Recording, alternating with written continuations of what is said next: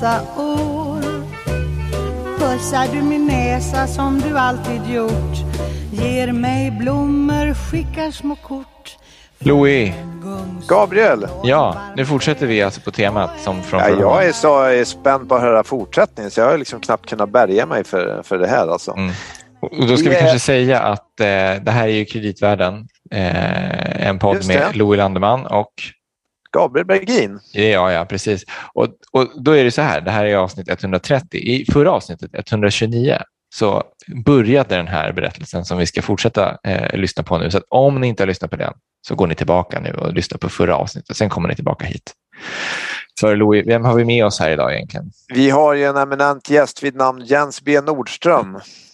Författare till boken Det stora pensionsrånet. Som handlar om miljardsvindeln i Falcon Funds. Mm. Kul att vara här. Och du. Jens, ja, vi är så glada att du är här. Och I förra avsnittet så fängslade ju du oss med den här spännande historien.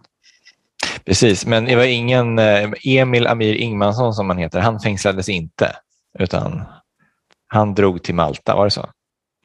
Så är det ju. Liksom när svenska myndigheter sent om sidor börjar liksom hota med att de här fondbolaget och affärerna du gör här i Sverige, de tycker vi är djupt olämpliga och börjar hota med att stänga ner honom. Då lyckas han ju då eh, blidka svenska myndigheter och Finansinspektionen med att säga att ja, men, den här fonden den ska vi ändå stänga. Den kommer inte vara kvar utan det här, det här ska fusioneras in i tre nystartade fonder på Malta. Och då behöver inte ni bry er om det här utan det blir ju maltesiska Finansinspektionen som tar över eh, tillsynen för det här. Det låter jättesmidigt. Ja, och tyvärr så, liksom är det så att eh, ja, men man märker att svenska myndigheter och Finansinspektionen i de interna papperna så säger de ju själva så att mm, de är inte supernöjda med det. Men de hittar liksom ingenting formellt att anmärka på.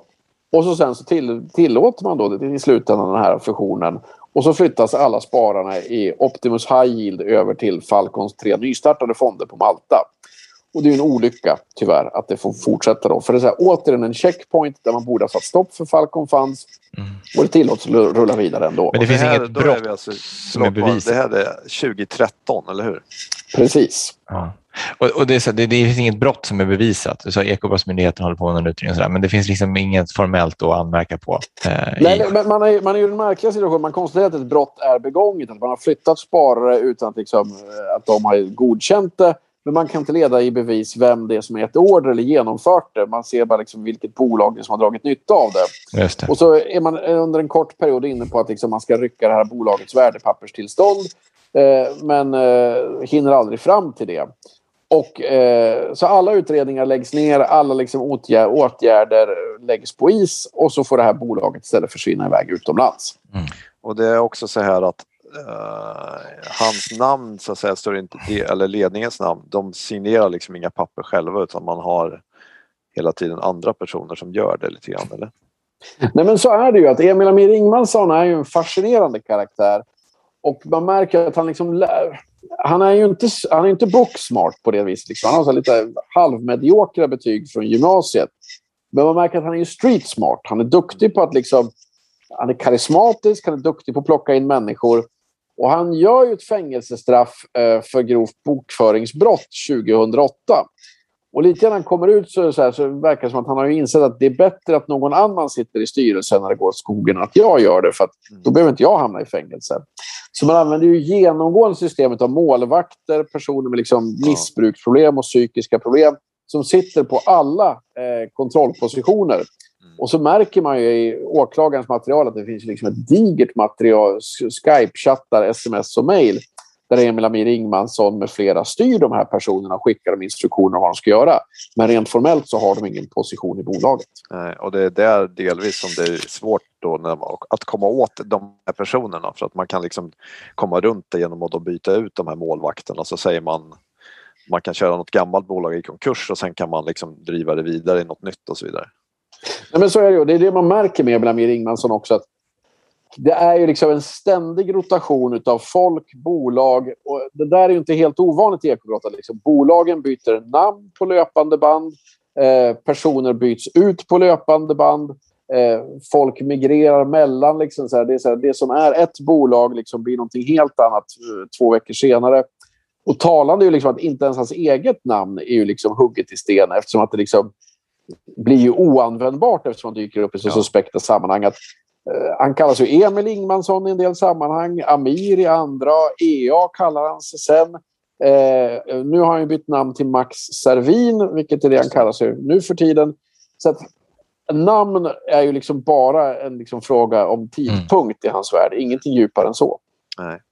Men, men Jens, berätta lite, för du har ju också varit nere på Malta. Det här med liksom varför man flyttar dit, eller liksom hur, hur, ser, hur ska man se på Malta så att säga i det här sammanhanget? Men Malta har ju liksom en, eh, det är ju en liten medelhavsö som då har försökt liksom hitta... Okay, vi har en liksom väl fungerande turism men vi skulle gärna ha lite fler ben att stå på. De har försökt bygga en eh, finansbransch. Och den har ju blivit ganska grundligt kritiserad av EU för att man liksom tycker att det är för dåliga kontroller i den. Vi misstänker att den används för penningtvätt. Eh, och det här av olika skäl verkar ju locka Emil Amin Ingmansson som först eh, är på en roadshow där Banco Valletta, Maltas största bank, liksom tipsar folk att hej, flytta finansbolag till Malta. Vi kommer att hjälpa dig med liksom all infrastruktur. Och så då får han deras hjälp att sätta upp de här fonderna. Och, eh, och då liksom har han tänkt sig att jag har callcenterbolag, jag ska ha ett nytt fondbolag här nere. Och sen så vill jag även ha ett förvaltarbolag som liksom kan sköta pengarna i de här fonderna. För då kommer jag kunna mjölka det här hur mycket som helst. Just det. Och det som är olyckligt är att Banco Valletta hjälper honom då liksom att få de absolut rätta namnen på Malta. Den tidigare vdn för Banco Valletta är på väg att bli styrelseordförande i det här eh, eh, förvaltningsbolaget som ska sättas upp. Som tur är för Banco Vallettas tidigare vd så hinner det här aldrig liksom, eh, sjösättas innan allt går åt skogen. Men han får ju en helt rätt styrelseordförande i fondbolaget Falcon Funds. Och det är ju Maltas före detta finansminister Tonio Fennech som precis har lämnat politiken och eh, då tar uppdrag i finanssektorn. Eh, och han säger själv, när jag, när jag intervjuade honom, så säger han att jag tyck, trodde allting var legitimt. Liksom Banco Valletta gjorde tummen upp. Den här svensken verkar så trevlig. Och Emil Amir, Ingmansson har en enorm förmåga att liksom knyta an till folk. Den liksom karisman han har gör liksom att han knyter ganska snabbt eh, Tony och Fenech nära sig. Och det här blir väldigt olyckligt senare för att det gör ju då att Tony och Fenech slåss ju i Emil Amir Ingmanssons ringhörna väldigt, väldigt länge. Och eftersom han är en stark person på Malta så får det här väldigt olyckliga konsekvenser. Det gör att de i, princip inte utreder och inte vidtar några åtgärder och sådana saker för att han... Eller ja. Ja, men I ett nötskal så är det så att de, de, de blir ju orörbara på Malta. Och det här märker man liksom att sen lite senare... eh, Det här oegentligheterna i Falcon Funds bara liksom tar ju ytterligare fart när man flyttar ner till Malta. Eh, och då är det till slut två stycken tjänstemän på Pensionsmyndigheten som säger liksom så här, men så här kan vi inte ha det. Liksom så här, det, det är liksom någonting som är skumt här. Och det är återigen en artikel i media som gör att liksom de börjar få upp ögonen. Eh, och det är att Falcon Funds köper in sitt lånebolag som går omkull som heter Trust Buddy här i Sverige. Just det. Det Och då, ja, och då dyker eh, Emil Amir Ingmanssons namn upp i media. Så men det här är liksom det Optimus-gänget som löpte amok bara liksom för något år sedan eh, och flyttade runt sparare. Och så börjar man titta och liksom begära in lite innehavslistor och konstatera att det finns liksom flera stycken märkliga finansiella instrument, bland annat något som heter ETI, Exchange Traded Instruments, eh, som man har köpt in ganska många av, vilket är lite ovanligt i en pensionsfond. Det låter som att det skulle kunna vara ungefär vad som helst. Ja, och det är väl egentligen vad som helst också. Det är liksom, ETI är ju sätt liksom att kunna köpa onoterade innehav men sen liksom se till att de blir eh, handlade på en börs så att Ja. det blir mer okej för vissa fonder att äga dem. Noterade och onoterade innehav. Ja, och det här liksom, det, det är egentligen bara en ompaketering eh, utav eh, skräp för att liksom man ska kunna fortsätta med samma upplägg som man hade tidigare. Köpa in skräp dyrt och sen så ta en del av mellanskillnaden själv och så blir pensionsspararna sittande med det här skräpet. Och, Men, eh, men, ja, precis, ja. Nej, Ja, men I princip så är det så att då gör ju de här två tjänstemännen på Pensionsmyndigheten de gör ju mer eller mindre en orosanmälan ner till Malta. Det är ju då Maltas finansinspektion som ska utöva tillsynen på, på dem. Och det är här man liksom märker att Tonio Fenechs namn är så tungt. Han har ju tid- tidigare Mm. varit chef för Maltas finansinspektion. Alla, tror jag, som jobbar på Malta inser att ja, men han är ju inte liksom den personen man vill vara ovän med. Så i princip så kommer det tillbaka ett eh, brev till Pensionsmyndigheten ett par veckor senare efter ganska många påstötningar där Maltas finansinspektion säger att ja, nej, men Jag har frågat Falcon Funds om de är skurkar och de har sagt att de är inte skurkar. så att, eh, nu är vi färdiga med vår utredning. Men skulle du säga att det är liksom korruption eller så att säga man vågar inte eh, liksom sätta sig upp mot den här Tony eller är det mer eh, god, alltså god tro, att man är liksom lite naiva och tänker att Liksom. Jag, jag, tror att det är liksom en kombination av flera saker. Att det är så här, svenska myndigheter har varit oerhört kritiska mot den maltesiska finansinspektionen efteråt. Men också, liksom, de har ju dels sagt liksom, att de förstod aldrig liksom, riktigt hur det svenska pensionssystemet fungerade, varför mm. vi var så oroliga. Och man hade liksom så här, och det är klart liksom, de ska hålla efter jättemånga fonder som liksom har noterats där på öarna. Och det här liksom så här, ja, det var långt bort, det var inga malteser som hade pengar där. Tonys liksom namn var med. Mm. Ja, och framförallt, men jag tror liksom Tony och Fennex namn ska man inte underskatta. Liksom, att, men det är väl ungefär som liksom, om ett svenskt fondbolag skulle liksom ha Anders Borg som styrelseordförande. Många skulle nog tänka liksom att ja, men fan, Anders Borg han skulle väl inte sätta sitt namn på vad som helst.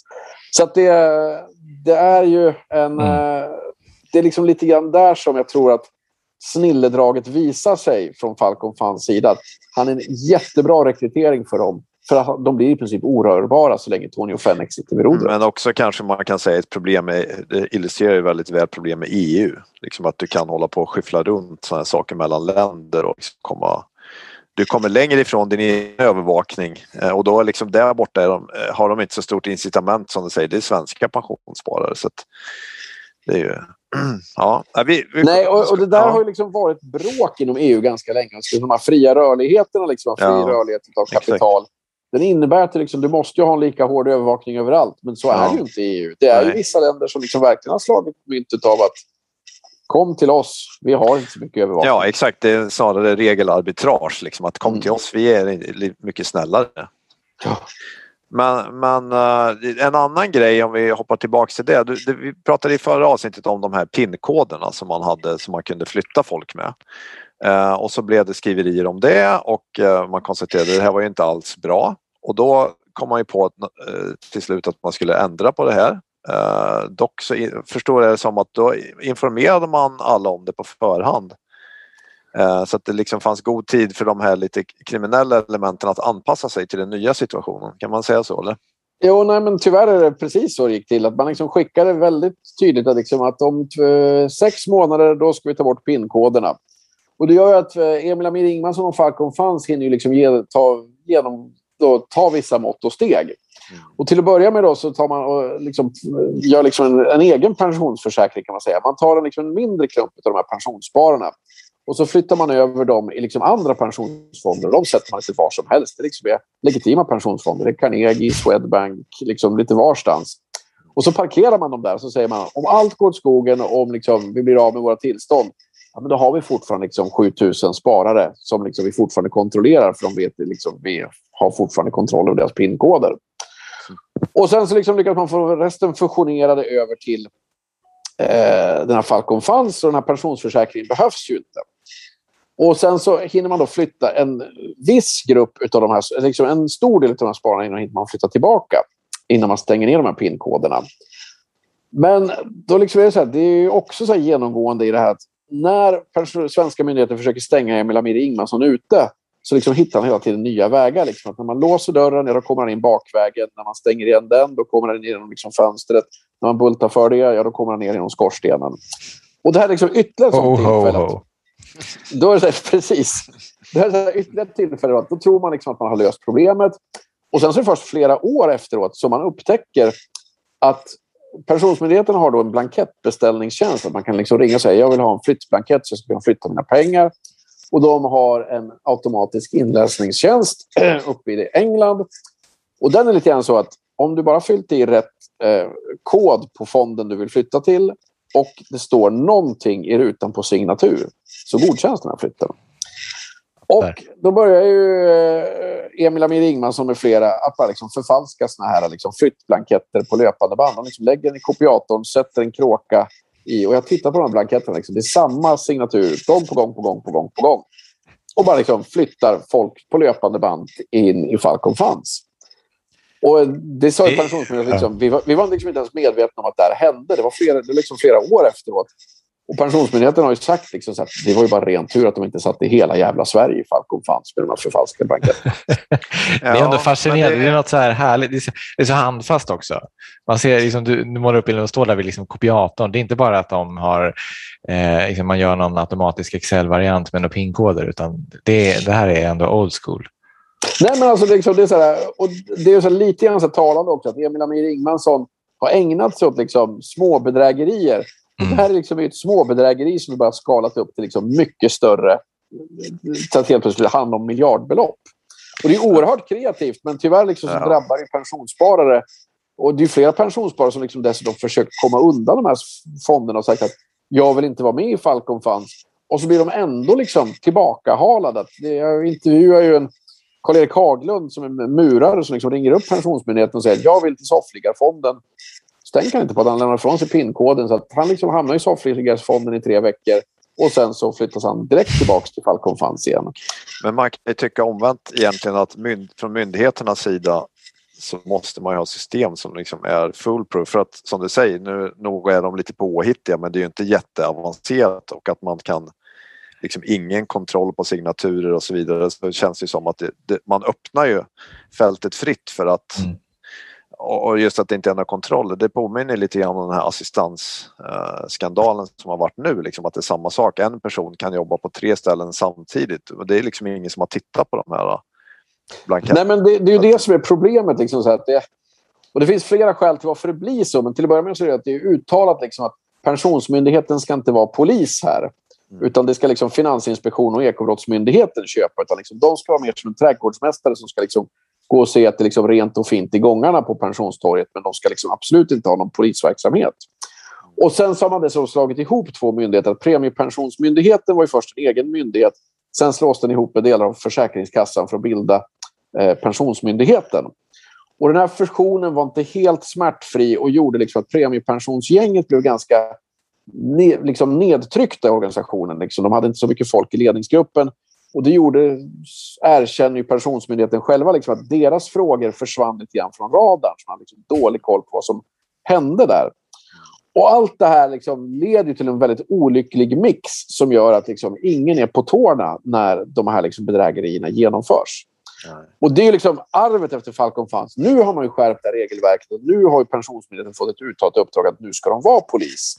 Men det är ju lite grann ett fall av att vi stänger liksom båset efter kon redan har försvunnit. Och lite så är det som att du beskriver de här tjänstemännen. Det är egentligen deras eget initiativ och jag ska inte säga direkt emot ledningen men att de väljer liksom att agera själva och sen så lyckas de efter ett tag få med sig eh, ledningen uh, på myndigheten att liksom vi, ska, vi ska se på det här. Men det, hade inte de gjort det här så hade det kunnat gått ännu värre, eller hur? Nej, men det är två stycken liksom ganska osannolika hjältar i den här historien. Det är, liksom, det är ju Rasmus Bjelkesson och Per Brantemark som är tjänstemän på Pensionsmyndigheten som båda liksom mer eller mindre på eget bevåg säger att så här kan vi inte ha det. Och försöker ju intressera liksom andra parter men konstaterar väl till slut att ja, ska det hända någonting så är det nog vi som måste göra det här för det verkar inte liksom finnas någon annan som liksom är beredd att kliva fram. Så de bedriver det här liksom inledningsvis nästan som så privatspaning på Pensionsmyndigheten och försöker liksom ta reda på vad är det som händer där nere på Malta. Och sen försöker de då liksom aktivera maltesiska myndigheter. Och det arbetet går ju tyvärr... Liksom, de går in i väggen på direkten. Liksom. Tonio Fennex ja. hand ligger tung över de här öarna och ingen är liksom beredd att ta i Falcon Funds. Men de ser till att det här till slut kommer upp på radarn. Och sen så börjar de också ta, tala med Kalla fakta som då gör ett program om Falcon Funds. Det. det. är jättebra, för det jag kan rekommendera för intresserade pensionsbluffarna heter det. Ett jättebra program. Men som slutar liksom verkligen i en cliffhanger. Och det är ju att eh, man har liksom gjort flera uppmaningar till Malta, liksom utreda det här och Malta kommer liksom tillbaka och säger att ja, vi har gjort utredningar, allt ser bra ut, vi liksom ger grönt ljus åt det här. Men när Kalla fakta sänds, det är, liksom, det är då egentligen som det liksom tar skruv i myndighets-Sverige. Helt plötsligt liksom så börjar Pensionsmyndighetens ledning och generaldirektör fatta att nej, vi måste göra någonting här nu. Och det kommer upp på politisk nivå att liksom våra ministrar också börjar fatta att nej, det här är inte tanken med det här systemet. Det är också lite skrämmande att liksom en sån här, att det ska bli, att det ska behöva gå via media för att någon ska agera så att säga, att man inte har något eget styrsystem utan det blir liksom att det kommer upp som en fråga och då blir det oj, nu måste vi göra någonting, eller hur? Ja, det är ju verkligen en brandkårsutryckning man tvingas ja. till. Och det är ju bra att den görs, men man känner ju lite grann så att man borde aldrig ha låtit det gå så långt. Nej, men för att när de börjar sin privatspaning där, det är liksom eh, kring 2015 och någonting och sen som du säger det sker en massa saker, det är möten och det blir konfrontationer med eh, Tony Fennech och eh, de liksom positionerar sig. Det är väldigt, väldigt trögt men sen det är någonstans där på hösten 2016 som det är liksom då man går hur är det, man tar hjälp av Finansinspektionen och går via ESMA liksom för att få tryck på Malta, är det inte så eller? Ja, nej, men det här var någonting som liksom jag, det, det tog ganska lång tid innan jag lyckades reda ut vad det var som hände. Men det stora problemet man får är att liksom, Tony och Fenech gräver ju ner sig i skyttegravarna på precis fel sida. Och, eh, han, jag har intervjuat honom på Malta och han är en fascinerande person. Konservativ politiker, oerhört eldfängt temperament, ganska väldigt charmig också. Liksom, sådär, medelhavsgenerös. Liksom, sådär, att det, bjuder gärna på liksom middagar, är du och bror med, men har ett häftigt temperament. Och han säger då själv att min upplevelse var ju liksom att jag trodde att den svenska pensionsmedlen bara jävlades med oss. Och jag försökte liksom hitta någon lösning där alla skulle bli nöjda och glada. Och eh, då så leder det liksom till en total konfrontation där han mer eller mindre liksom ber svenska myndigheter dra åt helvete. Och då sitter man ju fast i det här. Liksom, att den, den svenska pensionsmyndigheten då, till slut efter mycket om och men beslutar sig för att vi säger upp, liksom, så här, om vi inte ska kasta ut en fond från fondtorget nu, när ska vi då göra det? Och så gör man en uppsägningsorder på början där av eh, sommaren. Och eh, när... Och så säger per eh, Falcon Funds, nej det tänker vi inte göra. Och det är sådär liksom så att om man inte om fonder liksom kan börja, börja neka inlösen, att lämna tillbaka pengarna till spararna, det är ju ganska basalt egentligen. Men det är precis det liksom Falcon fanns göra, Så fastnar det liksom bara i juridik igen. Och myndighetssverige håller på att stånga huvudet blott, blodigt. Liksom, så här, men vi måste ju få tillbaka pengarna på något sätt. Och då lyckas man via Finansinspektionen då aktivera ett EU-organ som heter ESMA. Och det är liksom Finansinspektionernas finansinspektion. Och de ska då liksom jämka EUs alla eh, kontrollorgan på finansmarknaderna tillsammans. Och då kan man begära medling där. Och det är det Sverige gör då. Så efter sommaren så har man ett möte i Paris där man då liksom beskriver eh, vad problemet är. Och ganska snabbt så blir det uppenbart liksom att Sverige, liksom vinden blåser Sveriges väg. Att eh, hela EU fattar liksom att om fonder börjar kunna neka och lämna tillbaka pengarna och liksom behålla pengar hur som helst, då blir det vilda västern. Det, det är inte rimligt. Så under galgen så går det liksom MFS, liksom Maltas finansinspektion på med på okej, okay, vi ska tvinga igenom ett inlösen av Falcon Funds. Och sen så drar man ändå obegripligt benen efter sig. Man säger att men ni får tre månader till på att genomföra det här. Och därför så är det liksom en sex månaders period som liksom, där Emil Amir Ingmansson sitter kvar i orubbat bo. Och där liksom accelererar ju de här liksom, uh, fula affärerna. Där försvinner, där försvinner pengar. jättemycket ja. pengar. Ja. Och sen så har man då den här presskonferensen i oktober där man då till slut kallar in eh, då har man liksom börjat se hur det ligger till och så liksom kallar Pensionsmyndigheten till presskonferens. Jag åker dit och så kommer beskedet att eh, vi har nu börjat lösa in Falcon Funds det ser inte så bra ut. Mer än en miljard kronor är borta. Och då var det så att först var det så att det fattades typ en och en halv miljard av totalt som de hade tagit in 2,4 var det inte så? Mm. Så att det är ju av, som procent så är det ju liksom mer än hälften av alla pengar som de har lyckats försnilla först, eller hur? Ja, nej, och det där är liksom någonting som man håller på med ganska länge. Att, eh, Tony och Fenech försöker förhala den här försäljningen in i det sista. Och jag misstänker att han har aldrig erkänt det, men jag misstänker att han själv har då fattat att liksom, det är något som är riktigt skevt i den här fonden. Det här kommer liksom att stänka ner mig rejält. Så därför försöker han liksom förhala lite grann för att rädda ansiktet själv också. Och så säger han vid något tillfälle att om vi skulle genomföra en försäljning nu, då skulle vi kunna ha förluster på 5 till 10 procent. Och hela den svenska finans liksom, pensionsmyndigheten säger att vi tycker 5-10 procent, vi, vi, skulle vara nöjda om det bara stannade där. Ja. Och sen så genomför man det här och så liksom är det ju 60 procent som saknas inledningsvis. Sen har ju de här liksom siffrorna förbättrats lite grann genom lite olika uppgörelser med bland annat eh, Banco Valletta och lite andra eh, entiteter. Mellanhänder, så att säga. Mm. Men det är fortfarande så att det är väldigt mycket pengar som saknas. Mm. Vart har de tagit vägen då? Har man rätt ut det? Alltså, det var ju de här affärerna antar jag med överpriser och annat. Och Nej, men alltså det är så här, eh, mycket har ju gått rätt ner i liksom, eh, fickorna på Emil Amir Ingmansson och hans underhuggare. Uh, och de har ju sen liksom använt till att leva ett gott liv. Liksom. Det, jag var och tittade på Emil Amir Ingmanssons lägenhet i Malta. Liksom en paradvåning längst upp med liksom utsikt över havet i Slema som är en väldigt fashionabel stadsdel. Det är liksom Aston Martin-bilar, det är Rolex-klockor, det är privatjetar, det hyrs villor i Italien. Mm. Så att de lever ju gott.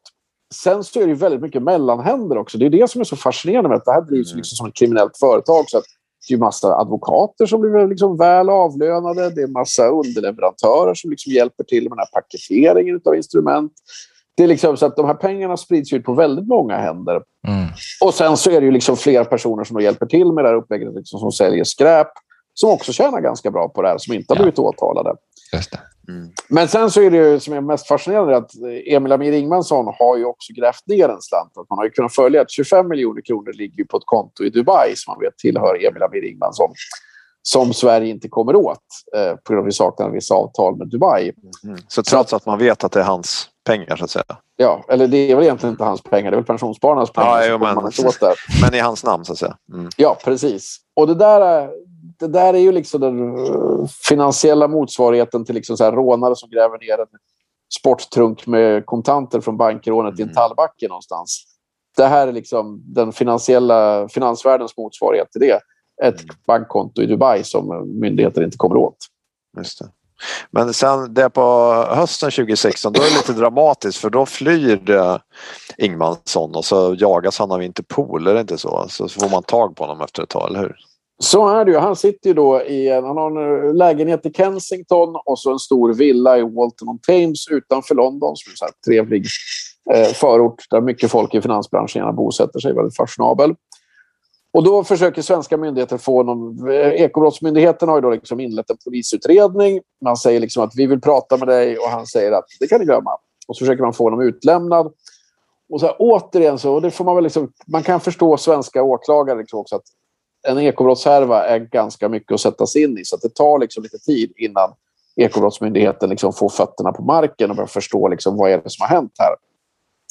Men man inser ganska snabbt att Emil Amir Ingmansson är nyckelpersonen och han vill man få utlämnad från Storbritannien. Och I väntan på att eh, man får ett domstolsbeslut på det så sätts han i husarrest med en fotboja. Och fem dagar innan det liksom ska fattas beslut om han ska lämnas ut till Sverige så väljer Emil Amir Ingmansson att klippa den här fotbojan. Och man kan alltså diskutera kvaliteten på brittiska fotbojor eftersom att ingenting händer när han klipper av den. Det tar liksom 48 timmar innan man upptäcker att han har flytt sin väg och sen borta. Och jag minns att jag pratade med åklagaren som drev målet just då. Och liksom så här, om du kan tänka dig en person som är så jävla förbannad så han liksom bara vill knöla ihop mobiltelefonen och mala den till stoft. Det var väl ungefär för att alla tror jag såg framför sig att nu går det här åt helvete den här utredningen. Huvudpersonen är borta och utan honom kommer vi inte få en enda jävel fälld. Mm. Och så var det länge. Fram till att helt plötsligt vid en gränsövergång till Ukraina så dyker en person med två förfalskade pass upp. Någonting liksom triggar eh, passpolisen där. Och så grips Emil Amir Ingmansson. Och efter att ha suttit i, jag tror det är ett ungerskt fängelse ett par veckor så är han helt plötsligt inte alls särskilt pigg på att eh, bestrida utlämning utan går ganska snabbt med på att jag kan nog tänka mig att komma till mm. Sverige. Och där liksom föds då liksom möjligheten att åtala de här personerna. Ja. Just det. Får tacka den ukrainska gränspolisen då att de lyckades plocka. Ja, nej, men ibland så liksom har ju även ordningsmakten lite flyt. Ja. Det, det är ju någonting som, som gör så här att de här passen som jag har sett, de är båda liksom ganska övertygande. Men eh, det är någonting som gör att de liksom reagerar på att det är något skumt här just nu. Men sen är det ju, sen är det ju rättegång och som Gabriel säger lite parallellt också där med Allra då. Men det vilka får fängelsestraff då till slut? Det är han och eh, det är flera personer. Dels så är det ju Emil Amir Ingmansson. Mark Bishop döms också till ett straff för det här. Sen så är det en person som beskrivs lite grann som Emil Amir Ingmanssons högra hand, Afram Gergio, som är en man som ofta varit motparten i affärerna. Liksom att när det ska köpas in skräp så sitter liksom Afram Gergio ofta på andra sidan bordet från Emil Amir Ingmansson och liksom okej, okay, jag köper av dig och så betalar du mig och så är man egentligen ganska goda vänner. Och, eh, eh, han är instrumentell i en del av de här bedrägerierna så han får också fängelsestraff. Sen så är det vdn för det svenska fondbolaget Ulf Däckmark får också fängelse och hans bror får eh, ett fängelsestraff för eh, penningtvätt. Mm. Så det är ett antal personer som man faktiskt lyckas få fällda. Men det som jag tror blir av, är avgörande här liksom till de fällande domarna det är ju att det finns väldigt mycket teknisk bevisning. Mm. Eh, och det är för att när polisen gör husrannsakan hemma hos Mark Bishop så visar att Mark Bishop är en hamstrare. Han har liksom väldigt mycket papper sparade, obegripligt mycket papper. Och massor med laptops och mobiltelefoner med spännande kommunikationer. Och det där har jag tänkt flera gånger. Liksom så här, varför sänkte liksom inte Mark ja. Bishop de här grejerna bara liksom i närmsta havsvik? Då hade de förmodligen varit väldigt mycket svårare att få dem fällda. Men en källa påpekade liksom just att han är ju amerikan. Det finns den amerikanska åtalspunkten som inte finns i Sverige, men det är just det här, obstruction of justice. Att blir du påkommen med att ha liksom sänkt en laptop i en havsvik, då är det ett par års fängelse redan där. Och kanske liksom gjorde det, eller så bara trodde han att han aldrig skulle åtalas. Men, men han liksom är ett genombrott i under mm. förundersökningen också. Det är nyckeln, ja. Okej. Okay. Mm. Och ja, så nu, just nu så sitter de väl i fängelse då? Nu, eh, Emil Amir Ingmansson sitter väl på Saltvik i högsäkerhetsbunker där, den så kallade Fenixbunkern. Eftersom han har flytt en gång redan så är han häktad med restriktioner. Jag har brevväxlat lite grann med honom och försöker få till stånd en intervju. Eh, men han säger ju själv att det, jag följde den här rättegången och tid, de fick ju sitta häktade väldigt länge.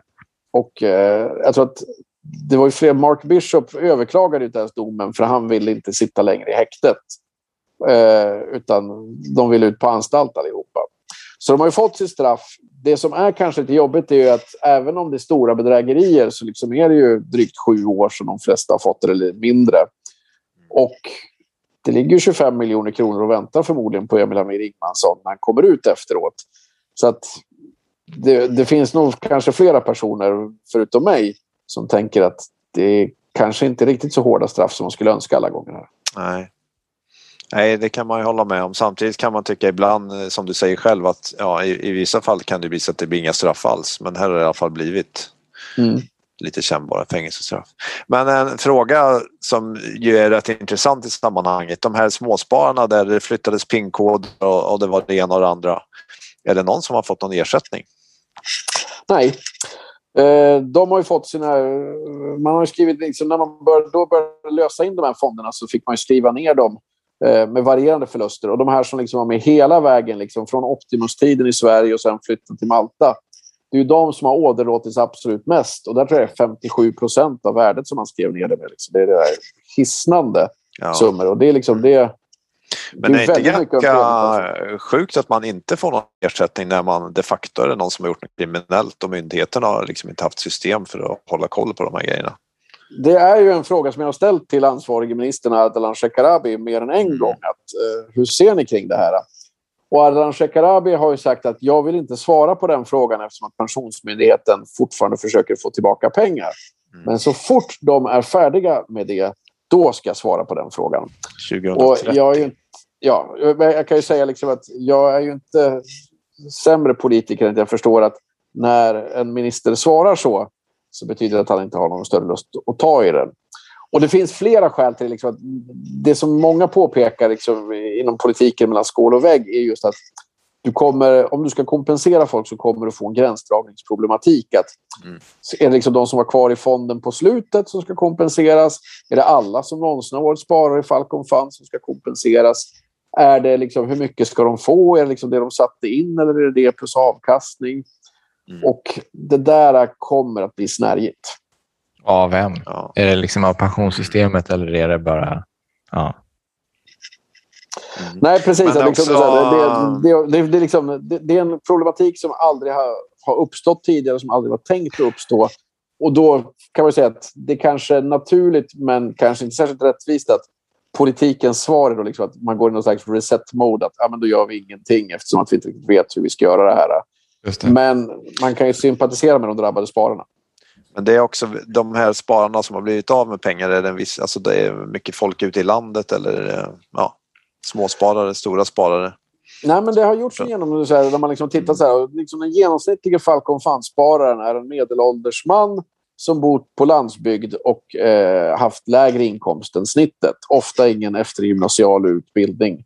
Så att man har ju gått på de svagaste också. Liksom. Det är oftast de som har nappat på de här erbjudandena. Liksom. De som inte har vetat så mycket, de som inte haft så mycket pengar.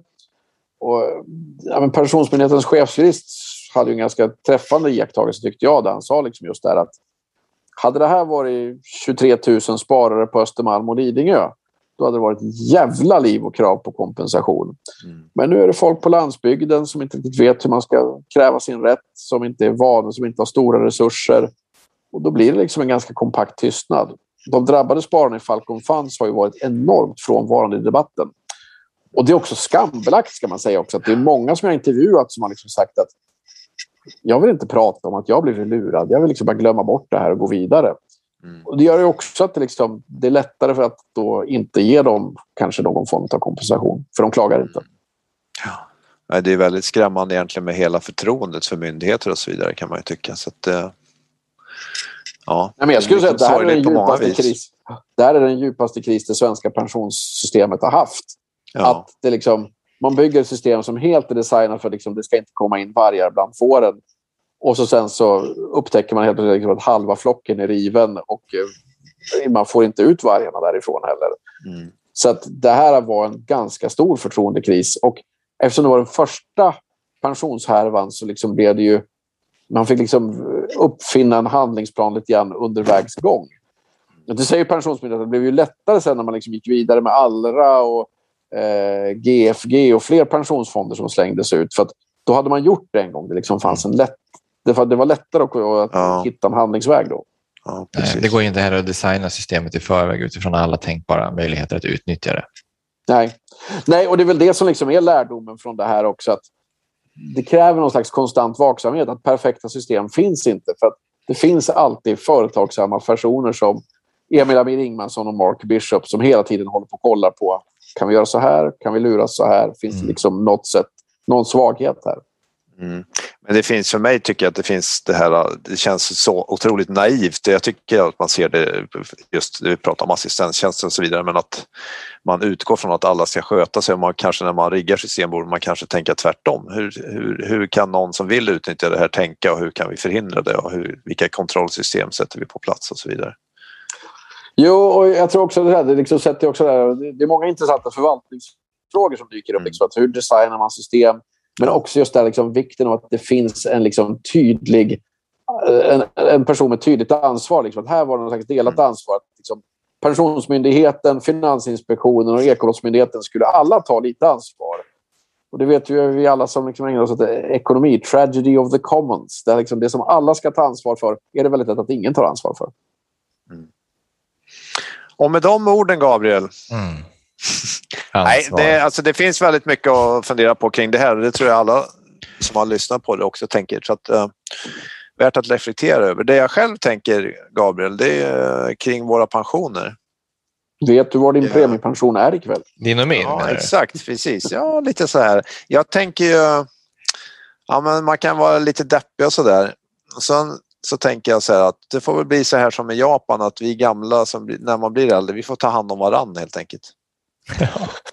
Precis, ni får komma förbi med kaffe och rulltårta till mig så kommer jag nästa dag. Så, liksom, så ja, får exakt, vi hjälpas åt. Och sen så tänker jag om jag håller mig vän med Gabriel, han är lite yngre så han kanske kan hjälpa mig. Just det. Just det. Man ska ha yngre vänner. Ja, exakt. Det är, det är tipset. På det temat Gabriel så tycker jag vi ska avrunda det här avsnittet som vi börjar, nämligen med Sonja Hedenbratt. För den låten jag... heter När jag får pension. Ja. Om man får pension kanske den borde heta istället. Ja, den borde då. kanske heta det. Ja. Jag eh, tänkte också bara säga att det här med pensioner är väldigt spännande som du säger och jag tycker vi ska hitta sätt att prata mer om det i den här eh, ja. podden. Så att alla som lyssnar får ju jättegärna skicka tips och idéer på vinklar på pensionssystemet som man tycker är värda att diskutera vidare. Då kan man skriva ett mejl till brev.kreditvärden.se eller så kan man bara skriva på Twitter eller ringa för den som har våra nummer. Det är bara tacksamt. Och har Men... ni mot förmodan inte läst Jens bok om Falcon Funds så tycker vi att ni ska köpa den och läsa boken. För den är, den är både spännande läsning och den är ju, ja, den, man, man behöver tänka på både det ena och det andra faktiskt när man läser. Det finns som ljudbok också om man inte, om man inte gillar att läsa så kan man lyssna på den också. Vem är uppläsare? Oh, jag jobbar att du frågar vem det är. Karl någonting heter han. Han ja. gör ett väldigt bra jobb men jag kommer inte på hans efternamn på rak arm. Nej, nej, men det, det, är inte du i alla fall. Nej, jag läste för, min förra bok, eh, Tronstriden, läste jag in själv. Men den här gången så var det inte riktigt tid. Eh, och jag tänkte att det är väl kanske inte... Folk kanske hör mig mala på så det räcker i alla fall i olika sammanhang. Men det var faktiskt ett par personer som tyckte att, det var, att de gärna hade hört mig läsa den själv. Så jag kanske har underskattat den kommersiella gångbarheten i min röst. Då får du tipsa dem om de här två avsnitten helt enkelt. Så får Exakt. Eller hur? Mm. Det är bra. Tack så jättemycket ja. Jens. För idag. Ja, tack. Vi har i alla fall njutit av att lyssna på din röst här. Så att vi har inte fått nog. Nej. Du får gärna komma. Det kommer säkert någon mer bok när du har bara återhämtat dig från den här persen. Vi får, vi får väl se. det är bra. Tack så mycket. Ha en fin höst Jens. Och så hörs vi andra, eh, alla poddlyssnare, snart igen hoppas jag. Eller hur Louis? Det gör vi. Det är bra. Återhörande. Jag har nya spännande annonseringar på gång. Hej. Hej. Jag är rätt bra på knappar och hål och att steka ägg. Jag kan virka spetsar vid vår öppna spis du kan gräva, bränna upp ris Koka ditt kaffe och bädda din säng. Ska bli min mission.